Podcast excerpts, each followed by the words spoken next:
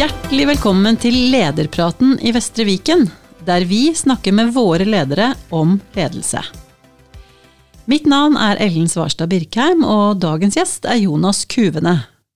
Jonas er til daglig seksjonsleder ved Avdeling for rus og avhengighet på Konnerud. En seksjon i Klinikk for psykisk helse og rus, men nå engasjert som prosjektleder for ett av delprosjektene som jobber inn mot nytt sykehus i Drammen. På Vestre Vikens ledersamling i september 2022 fortalte Jonas om hvordan han og hans seksjon har arbeidet med å redusere sykefraværet fra over 30% ved utgangen av 2018 til under 3% i tredje kvartal 2022. Vi har invitert Jonas til å snakke om hvordan vi kan fremme arbeidsglede og få til gode resultater.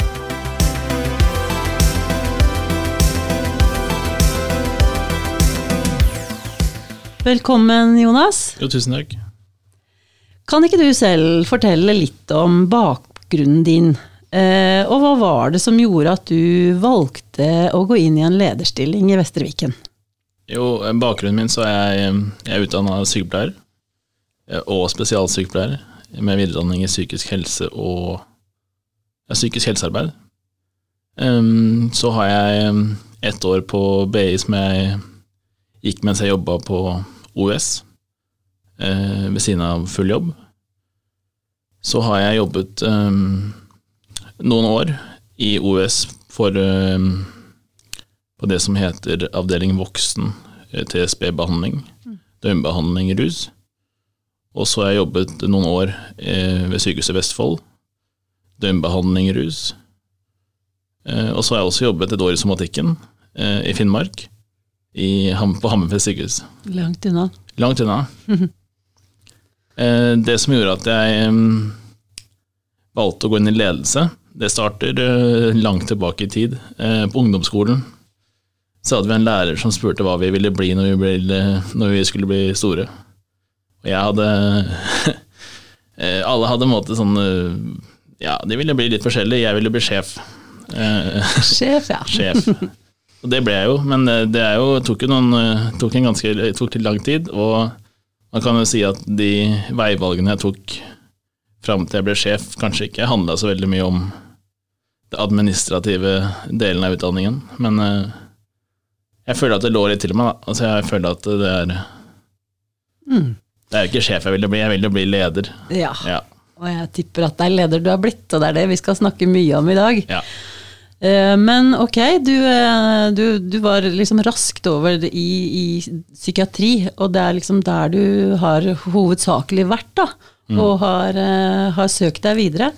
Det er veldig spennende. Seksjonslederstillingen da på ARA. Ja. og nå prosjektlederfunksjon i prosjektorganisasjonen for nytt sykehus i Drammen. begge handler jo om ledelse. Mm. Så lyst til å spørre deg. Eh, hvem er du som leder? Hva er liksom din lederfilosofi? Ja, hvem jeg er som leder, det tror jeg det er veldig vanskelig, det er vanskelig å svare på. Men jeg har en uh, lederfilosofi som jeg syns er uh, veldig ålreit. Det handler om at vi skal, uh, eller jeg som leder, skal legge til rette for at vi har det gøy på jobb. For hvis vi har det gøy, så tror jeg vi får til mye mer ting sammen. Vi får til det som handler om arbeidsmiljø vi får til um, det å bygge omdømme. Vi får til det å en, bli en attraktiv arbeidsplass. Vi får til det å ha det bra sammen.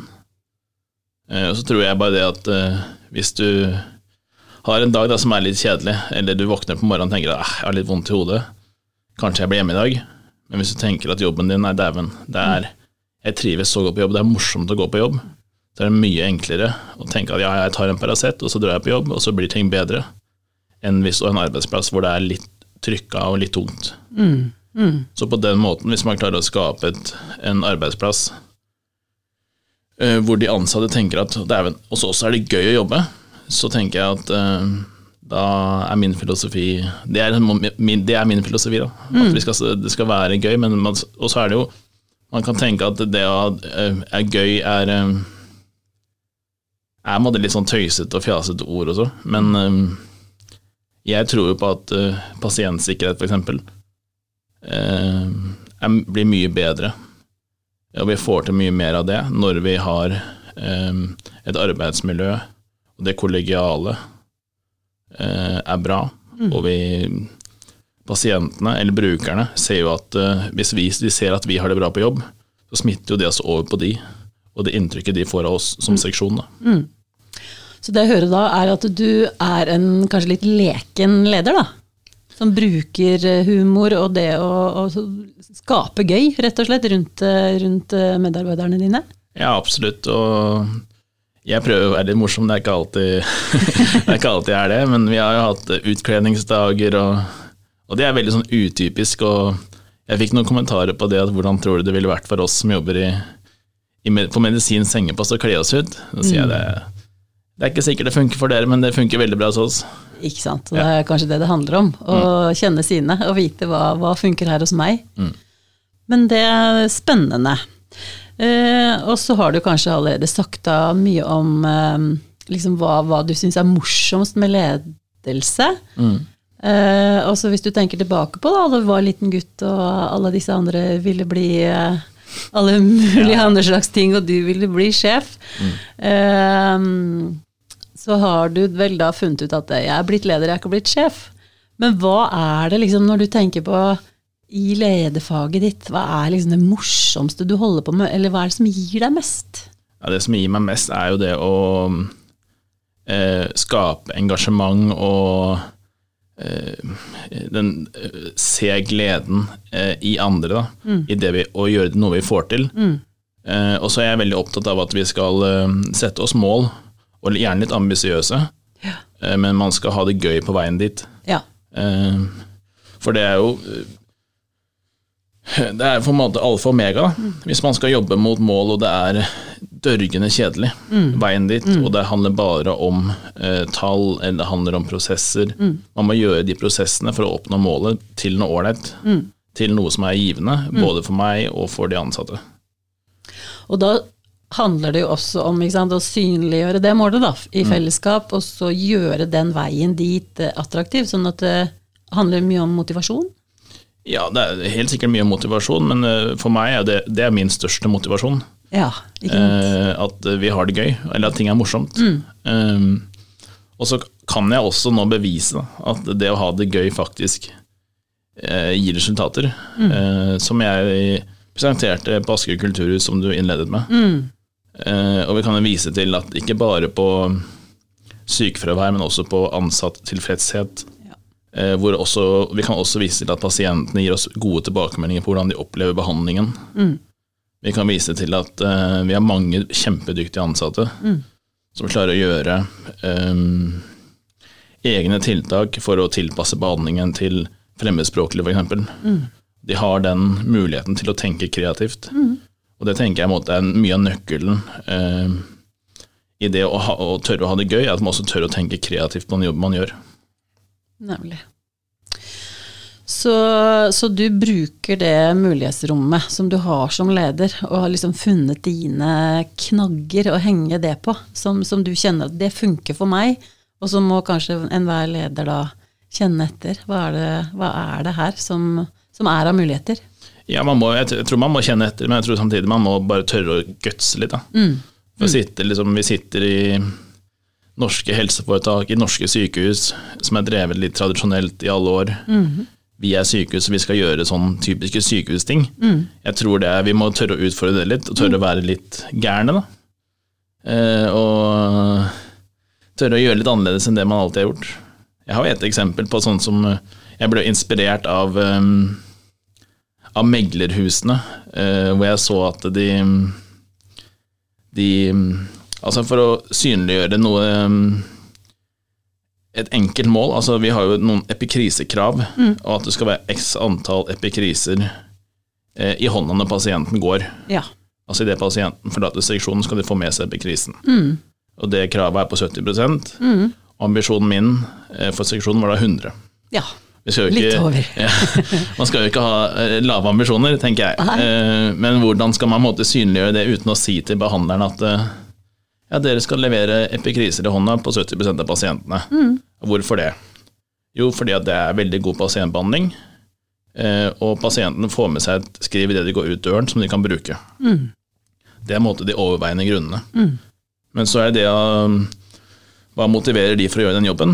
Eh, og så tenker jeg, begynte jeg da å tenke kreativt, la hjernen i bløt, eh, og fant ut at jeg har jo sett på disse meglerhusene at hver gang de selger et hus, eller de gjør store salg på børsen, så går de og slår i en bjelle, og så er det ljungende jubel, og Ja. alle klapper. Og da tenkte jeg at hva om jeg klarer å få til en sånn liten skipsklokke i korridoren, hvor eh, behandlerne kan ringe bjella, og så er det den stormende jubelen for de, og anerkjennelsen av de, at de har klart å nå målet sitt, da, eller målet vårt. Så det gjorde vi. Vi hang opp en sånn bjelle. Den hang vi opp i september 2022. Eh, Og fra september 2022, nei 2021 til september 2022 så hadde vi 100 epikriser i hånda. Veldig bra. Så det fungerte. Og det Det er jo um, Jeg tror på det at de, den umiddelbare anerkjennelsen du får i den um, applausen, at noen sier 'bra jobba', jeg tror det betyr veldig mye mer enn en kake og, eller en god lunsj da, en gang i året. Ikke sant? For her kan alle være med og feire de egentlig individuelle seierne, men som allikevel da kommer fellesskapet til gode. Og ikke minst pasienten. Altså hang jeg meg litt opp i det eh, at du sa eh, at hvor, For de spurte deg hvorfor skal vi gjøre det? Mm. Og det er øh, kanskje lett å si jo, det er liksom det er det vi blir målt på. Men å heller da si ja, men hvorfor, faktisk? Er, hvem er det dette kommer til gode? Og, Mm. Og så er det jo. Mm. Fakta er at vi blir målt på veldig mye, og mye av det er jo sånn litt rause ting, men det er jo man må klare å snu på det. Hvordan skal vi klare å få til eh, at det vi blir målt på, som er viktig for eh, helseforetak og for styret og for Helse Sør-Øst, Mm. at vi leverer på, hvordan skal vi få det til å bli engasjerende og motiverende for de ansatte? Ja. Og det er her jeg tenker at vi har mange Der kan man snu mange steiner. Mm. For at eh, det skal ikke så veldig mye til før noe kan oppleves engasjerende.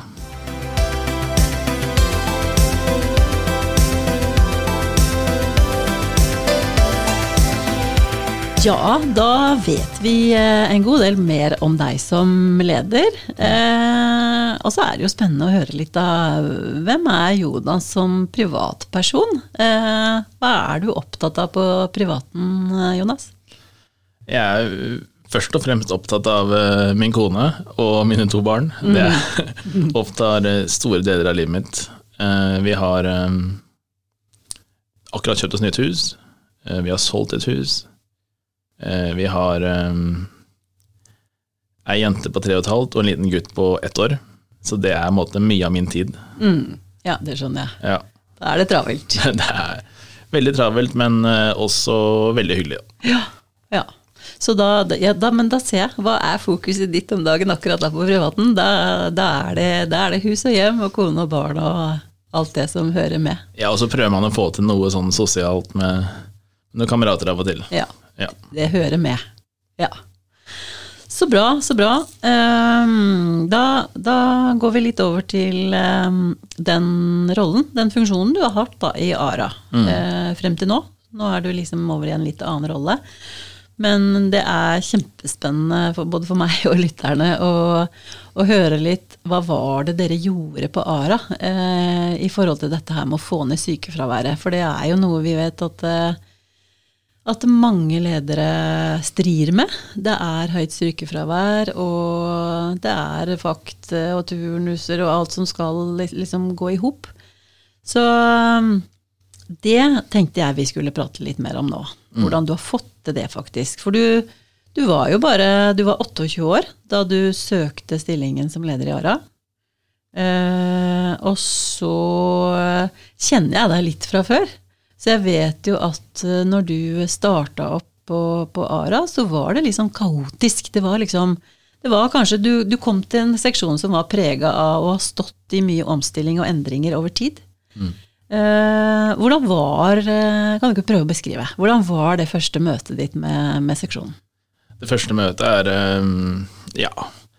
Jeg tror det var ålreit. Jeg husker at um, første dagen så ble jeg presentert av avdelingssjefen og hun som var konstituert leder fram til jeg begynte. Gikk vi i korridoren, og hilste på noen eh, ansatte. Eh, husker at jeg måtte, Det var noen som nesten la fram sånn kongstankene sine for hvordan vi skulle drive behandling. Eh, Det stusset jeg veldig over. Første dag. Første dag, eh, og det var sikkert bare godt ment. Jeg kjente at jeg ble veldig sånn overveldet av at eh, de store tankene allerede i første hånd, ved første håndhilsing. Ja. Så da ble jeg litt sånn Ja, hva gjør jeg nå? Ikke sant. Eh, og så var det som introduksjon, var egentlig den første uken. Eh, så husker jeg at jeg satte meg ned på første søndagen da jeg jobbet i Jeg begynte mandag, og søndagen så sendte jeg mail til min nærmeste leder og spurte om eh, du, her må det, vi må klargjøre et par ting. Mm. Hva forventer du egentlig av meg? Eh, og hvordan, eh, hvordan skal dette gå? Og jeg trenger faktisk veiledning i denne rollen. Ja. Eh, Det fikk jeg veldig positiv respons på, da, og fikk beskjed om at ikke, ikke tenk på forventninger og sånn, bruk god tid på å bli kjent, og så tar vi det derfra. Ikke sant. For der kommer du eh, rykende fersk, og første dag så er det, er det mange rundt deg da som har du, For du skjønner da at det, her er det mange som har forventninger til meg, eh, og, og den lederjobben jeg skal gjøre. Eh, hva betydde det å ha en egen leder som, som så liksom tydelig sa dette skal du prioritere, dette skal du ikke prioritere? Det er jo i hvert fall veldig betryggende eh, å få den eh, støtten så tidlig, og vite at eh, jeg får ro til å gjøre den jobben jeg skal. Ja. Eh, at det er Det var kaotisk. Samtidig så er det jo litt sånn etterpåklokskapens Når jeg ser det på etter, etterpå, så ser man jo også det at de var engasjerte. Allerede så tidlig er jo også positivt, ja. selv om det var overveldende. Ja, for det betyr jo at de er engasjert i jobben sin og i miljøet sitt. Og hvordan man ønsker å drive behandling og eh, man, disse med kongstankene. Man kan tenke at ja, det er litt rart, men allikevel så er det jo De har i hvert fall en formening om, eh, om det, og det er mye bedre enn at de er likegyldige. Ikke sant? Heller mange ulike meninger enn at det ikke er noe som skjer. Men eh, ok, så da, mm, da var du der, da, liksom, og, du- og du fikk den tryggheten da fra, fra lederen din om at eh, ok, eh, fokuser på, på dette i starten.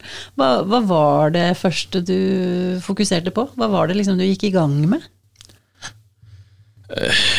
Ja Nei, prøver, det er ikke så lett å huske tilbake, men Nei, eh, jeg skjønner det. Uh, jeg vet at jeg har eh, bladd litt tilbake i mine egne e-poster.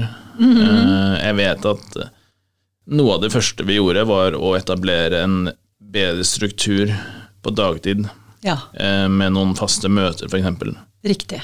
Eh, Jeg eh, ville gjerne ha inn noe som heter tverrfaglig møte på morgenen, som et koordineringsmøte for hele seksjonen. Mm. Det startet med allerede i april, altså under to måneder etter jeg begynte. Hvorfor var det viktig å få på plass det? Det er for å koordinere dagen, for å få hvem gjør hva, fordele arbeidsoppgaver, eh, sikre at alle har forstått informasjonen likt. Ja, større Eh, tydelighet. Større tydelighet, Ja. større forutsigbarhet. Mm. Eh, Jeg mener det var bedre for både for de ansatte og ikke minst for pasientene. Ja. Bra. ehm, så da det var, det var tydelig fra, for deg da fra start at eh, behovet lå kanskje på det her å få bedre struktur og oversikt og liksom systemer på plass. Ehm, og så kan man kanskje som leder sitte og tenke at dette, dette det blir viktig å gjøre, men da er det jo noe med å involvere eh, medarbeiderne i en sånn prosess òg, da. Hvordan, ehm, hvordan gjorde du det? Hvordan fikk du de, de med deg på disse nye tingene? Vi hadde et eh, eh, samarbeid med noen, noen staber i, i helseforetaket som hjalp oss med å jobbe med fag, eh, struktur og kultur gjennom hele 2019. Eh, samtidig som vi da jobbet med å implementere en ny behandlingsmodell. Lage grunn, grunnlaget for det. Eh, og her krever det jo masse medvirkning og involvering fra medarbeiderne. For dette er en jobb som jeg som leder ikke klarer å gjøre alene. Så det jeg gjorde, var å legge lage riggen for det. Med mappesystemer og utforming av ting, hvordan det skulle se ut. Ja. Og så ga jeg de ansatte i oppdrag om å beskrive innholdet i behandlingen. Ja, ikke sant. Du lagde rammene, men de fikk oppgaven med å egentlig beskrive innhold? Ja. Ja. Og så var det noe av innholdet som var beskrevet som var laget av en arbeidsgruppe tidligere. Men eh, de fikk måte oppdraget hvordan ønsker de at gruppebehandlingen skal foregå. Eh, og veldig frie tøyler til å utforme det. Mm. Og det har jo fortsatt, det går fortsatt en gang i dag. Ikke sant, De systemene der, de, de løper fortsatt. Ja. Ja. Og det som måte man kan se Det som er oppskriften her da, til suksess, tror jeg, er at eh, så mye medvirkning som de ansatte fikk, og så mye de blir involvert i den prosessen, gjør at de har et eierskap til det. Eh, De føler at dette er deres produkt, Ja. like mye som det er mitt. Mm. Og når de presenterer det for pasientene, eller for andre kollegaer, eller i private sammenhenger, så er det noe vi har laget, ikke noe som har blitt tredd over de. Nei, nemlig. Det høres ut som en god suksessoppskrift, jeg er helt enig med deg i det. Men så kan du jo si eh, så, sånne prosesser er tidkrevende. Eh, det krever mye av deg, og det krever mye av, av egentlig alle rundt deg også. Så er det jo da sånn at eh, dere klarte da det kunststykket, da, eh, å få ned sykefraværet, som var skyhøyt, kan vi vel si, når vi snakker om eh, rundt 30 eh, ved utgangen av 2018. Og så da når dere går ut av tredje kvartal i, i 2021, så er dere nett på 3% Det er, det er ganske utrolige tall, da. Det er helt fantastisk. Ja, hva var, hva var målet da, da dere starta dette arbeidet? Og, og, og hva var det dere helt konkret gjorde? Noe mål er jeg usikker på om jeg hadde. Målet var å bare redusere det drastisk og det skulle ned. Ja. Eh, og så er jo det å sette et uh, tallmål, det tror jeg er litt vanskelig, men man har jo, det er jo et idealmål for klinikken. Og det er måte å være under eh, 7,8 som er måte, en del av IA-avtalen. Ja. Eh, så ønsker man jo så gjerne lavere enn det. Eh, men både det som jeg har fokusert på eh, i starten, var å jobbe systematisk med sykefraværsoppfølging. Mm. for å jobbe med tilrettelegging og funksjonskartlegging. Hva skal til for at du kommer tilbake i jobb? Hva kan jeg tilrettelegge for at, du, for at du er gradert, og hvordan kan vi jobbe hele tiden med hele tiden fokus på å komme tilbake i jobb? Fordi det handler om eh, at du er, mer, du er en ressurs når du er på jobb, og den ressursen trenger vi. Eh, og fokuset har ikke nødvendigvis handlet om eh, det å redusere sykefravær. Det er jo selvfølgelig en, en effekt av det. Men eh, det å gi eh, Tenke at vi altså Et kjempegodt eksempel, mener jeg, da, er hvis eh, du tenker at du skal på kveldsvakt på fredag kveld, og så vet du at uh, i kveld skal jeg på jobb, men det er to ekstra vakter, og de er ukjente på avdelingen. Da er det ikke veldig fristende for deg å komme på jobb. Nei. Men hvis du vet at du skal på jobb fredag kveld, med det faste vaktlaget ditt, med den gjengen du har jobbet sammen med i flere år, så er det mye mer motiverende. Og det er mye lettere for å tenke kanskje at jeg drar selv om jeg har en litt dårlig dag, fordi jeg kjenner de såpass godt. Ja. Og den effekten av at folk blir på jobb, eh, og den at du skal måtte jobbe for at eh, de skal være der i stedet for at de skal være fraværende. Altså, Det er litt vanskelig å forklare, men jeg tror jeg klarer å forklare det.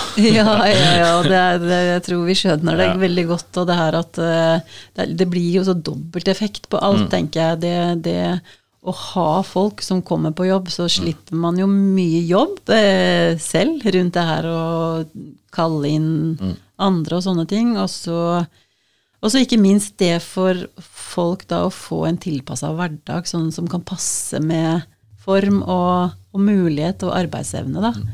Men jeg må jo også si da, at det er jo eh, det å jobbe med sykefravær, når det er så massivt som opp mot 30 Ja. I den perioden så handler det kun om å følge de prinsippene. Bruke portalen, bruke Nav, bruke HR, ja. bruke um, IA-rådgiverne. Bruke alle kanalene man kan for å samle mest mulig kunnskap, eh, og ha mest mulig støtte i alle prosessene. Ja, ikke sant. Og det er den grove jobben, og det krever masse dokumentasjon og masse utprøving og reising på dialogmøter i de ulike kommunene. Kjempekrevende. Ja. Og masse vanskelige situasjoner man kan stå i. Eh, på fastlegekontorer hvor de legger fram ulike utfordringer de ansatte står i som jeg, og dette var jeg ikke klar over. Nei.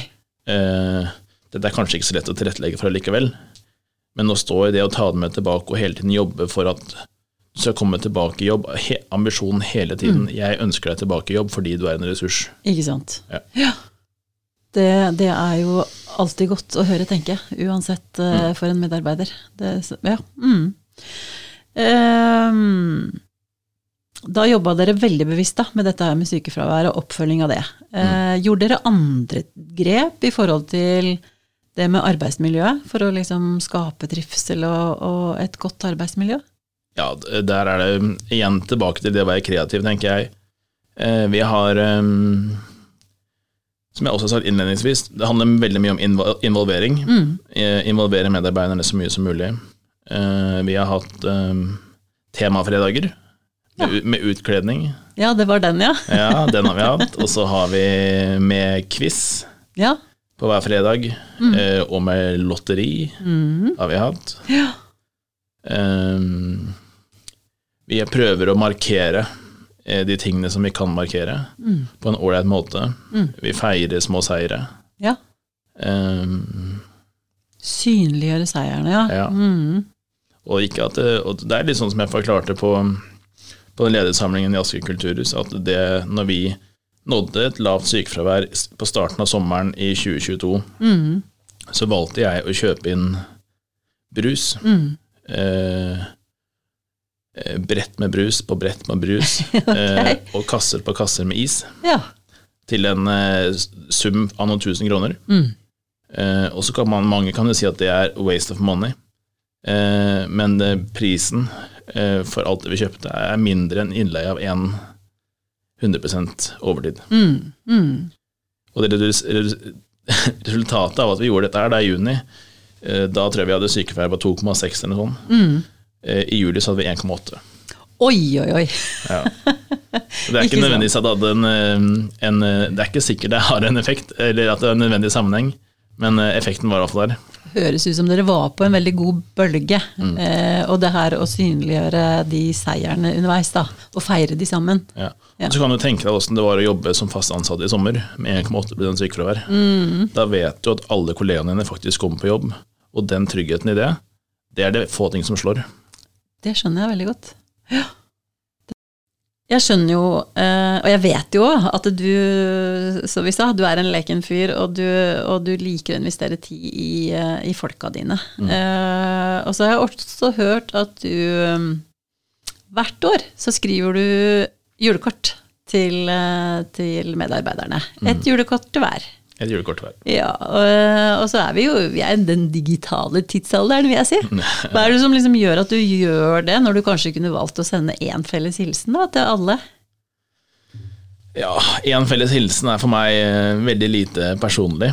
Uh, ikke at man skal være så veldig personlig heller, det er, så, det er kanskje ikke så viktig. Men uh, for meg er det Det handler om flere ting. Det handler om at jeg ønsker å vise medarbeiderne at jeg faktisk eh, ser dem. At jeg ser dem gjennom året. At jeg får med meg det som blir sagt. Eh, at jeg faktisk lytter til det de sier. At jeg har fått med, hva, fått med meg hva mannen din faktisk heter. Eh, og at jeg vet hvor mange barn du faktisk har. Jeg lytter faktisk når de sier det. Ikke sant? Eh, samtidig så ønsker jeg at man er det en unik mulighet for meg som leder til å dra fram eh, ett eller to eksempler på noe jeg eh, mener du har gjort veldig bra i året som har gått, og gi deg den positive tilbakemeldingen med ønske om god jul og godt nyttår på slutten av året. Mm. Um, og det koster meg fryktelig lite å skrive de kortene, Mm. kontra hva, det, hva jeg får igjen for det. Mm. Mm. Det å få SMS-er fra midten av desember og gjennom hele jula med 'tusen takk', Mm. Dette satte jeg virkelig pris på, um, er eh, utrolig givende for meg. Og det er kanskje like givende å sitte gjennom desember og slutten av november og skrive disse kortene og komme på alle de gode historiene eh, og gode fortellingene som jeg kan eh, komme på som de ansatte har drevet med det siste året. Du, et veldig hyggelig grep som du gjør der, og så skjønner vi selvfølgelig at eh, rundt omkring i foretaket vårt så sitter det ledere med store, store lederspenn som Ja. kanskje måtte bruke hele året på å skrive julekort, men det er et grep du har valgt å gjøre, for Det- å vise at du ser dine. Ja, vise at jeg ser det, vise at jeg setter pris på den jobben Ja. de gjør. Ja. Um, og det, det er jo som uh, alt annet vi snakker om her, Ellen, at det er jo dette er tiltak som uh, fungerer for meg og på min seksjon. Mm. Eh, og så er det ikke nødvendigvis at det fungerer overalt, men man kan gjerne hente inspirasjon fra det. Da. Nemlig. Det er eh, alltid nyttig. Så, så når det da For jeg tenker jo at innimellom så må det jo toppe seg litt for deg òg, da. Eh, hvor, hva gjør du da? Hvor henter du liksom noe, noe nytt fra? Ja, når, det hvor, jeg, når det koker Ja, når det koker. Ja, nei, det er Det kan jo Det koker jo for meg òg, som det gjør for alle andre.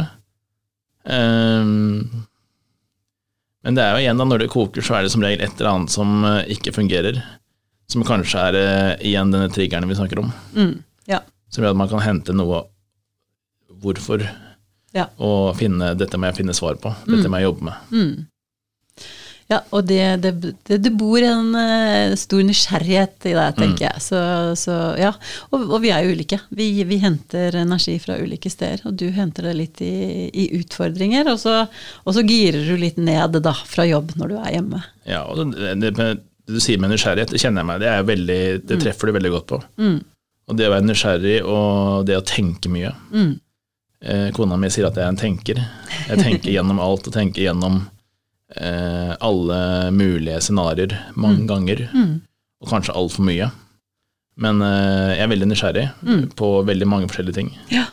Og, og det jeg kjenner at det- er kanskje en veldig god beskrivelse. Mm. Det er kjempenyttig å være nysgjerrig. Vi skulle sikkert vært mye mer nysgjerrig, mange av oss.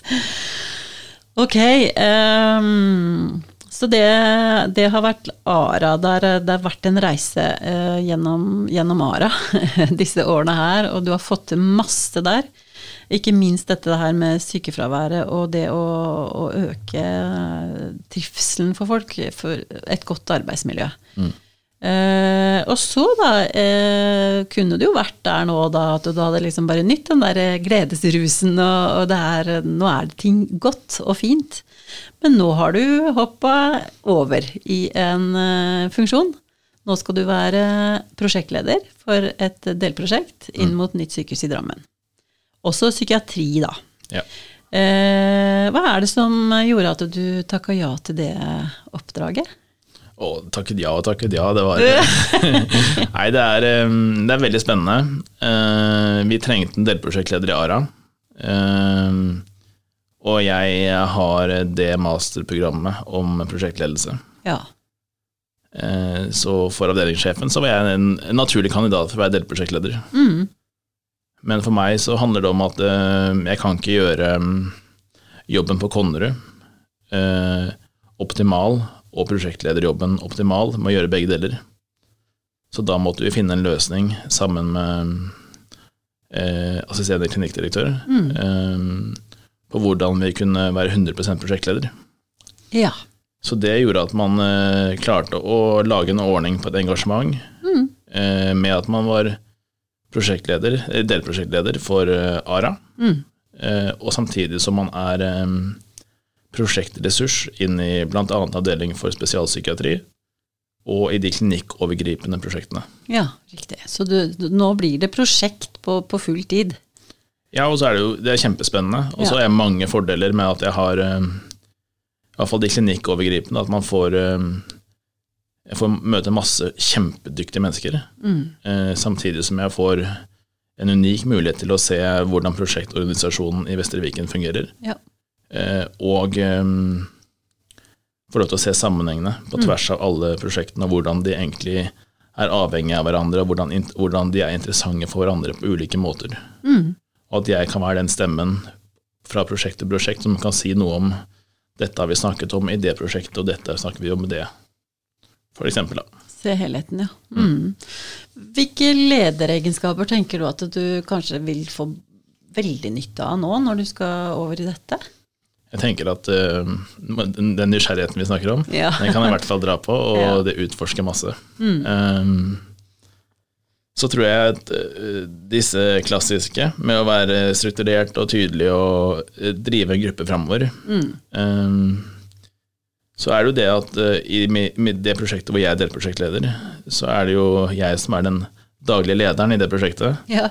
Eh, og skal sørge for at um, de som er deltakere, skal trives. Eh, og for meg så er det da viktig at vi har uh, gode rammer, trygge rammer, uh, for at vi kan snakke med hverandre på en ålreit måte.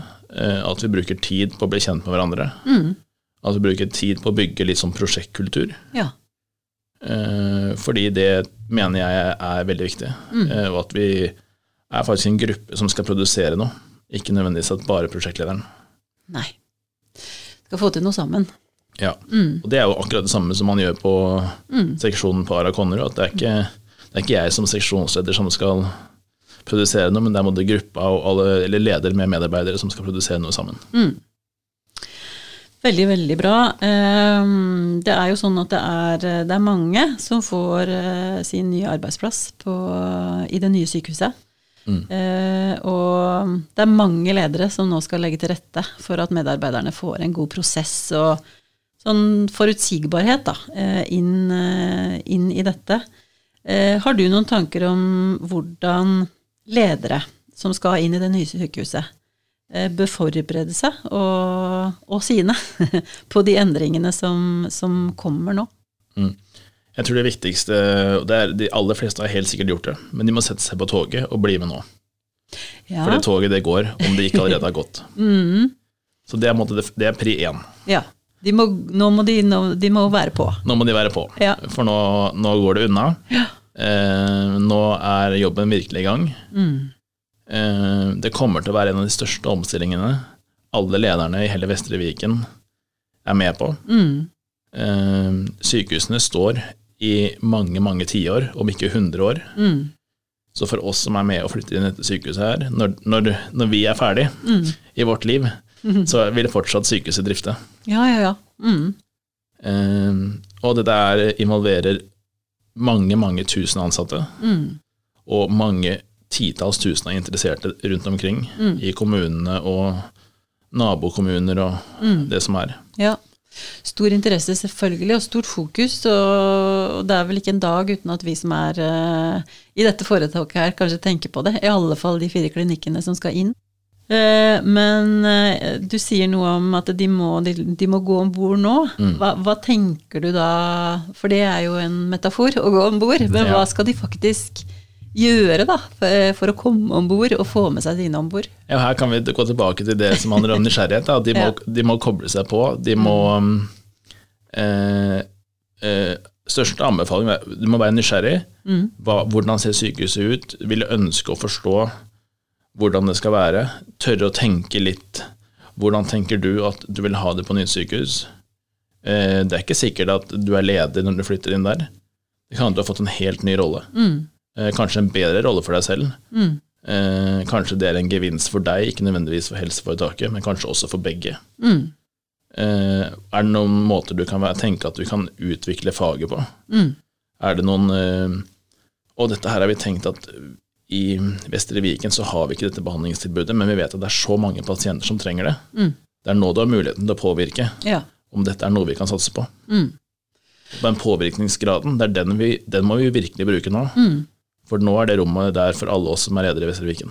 Ikke sant. Nå er det et handlingsrom her. Mm. Så koble seg på, være nysgjerrig og, og se nye muligheter. Mm. Det er det du, det du sier. Det er det jeg sier.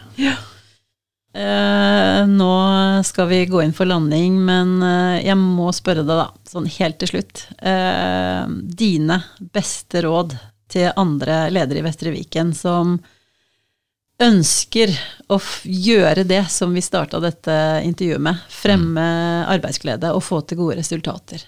Tre gode råd, har du det å komme med? Tre gode råd. De må i hvert fall investere. Og investere i tid Mm, og i medarbeiderne sine. mm, Eh, Og så må de tørre å ha det gøy. mm, For det er ikke skummelt å ha det gøy. Det er bare morsomt. Og det er bare positivt. Og så Var det to? Det var to ting. Eh, så må de jo faktisk også eh, erkjenne at det krever ganske mye av deg selv. Mm. Og du må være villig til å si at ja, jeg, jeg blir med på dette her. Mm. Det er mitt ansvar som leder. Mm. Og så må du faktisk ta på deg den hatten og si at jeg skal styre skuta sammen med dere andre. Mm. Jeg er deres leder. Nå kjører vi på. Ja. Er det, så tenker jeg, det er, det er jo noe hjelp å få. Jeg tenker Ledere støtter ledere, og, og vi er et stort foretak. Men er det også da Har du noen sånn råd i forhold til hvor, hvor søker man bistand og hjelp hvis man trenger det? I Ja. alt dette arbeidet? Ring en venn. Ring en venn. Eh, Jeg gjorde Jeg har en erfaring som, er, eh, kjempe, som har fungert veldig bra for meg, å lage mitt private, lille organisasjonskart Ja. med hvem er min nærmeste leder. Ansvar øverst. Ja. Og så har jeg hvem ringer jeg når jeg har et spørsmål om sykefravær, ja og hvem så- ringer jeg når jeg har spørsmål om kontrakter, og hvem ringer jeg når jeg har spørsmål om personalsaker, Ja. og hvem ringer jeg når jeg har faglige spørsmål, og lager dette kartet for deg selv, slik at du slipper å ringe rundt og rundt og rundt og rundt hver gang du lurer på noe, at du heller ringer til de faste personene dine. Lite privat organisasjonskart, det hørtes veldig lurt ut. Så da Vi tar med oss alle de tre gode rådene pluss det, Jonas. Og så må jeg bare få si uh, tusen takk for at du tok prat, praten med oss her i Lederpraten. Tusen takk for meg. Masse lykke til videre med alt det du skal gjøre fremover. Takk. Lederpraten i Vestre Viken den kommer ut hver måned, og om du har tips til spennende ledere vi bør ta en prat med, kan du ta kontakt med oss på mail, og da sender du til lederpraten at vestreviken.no.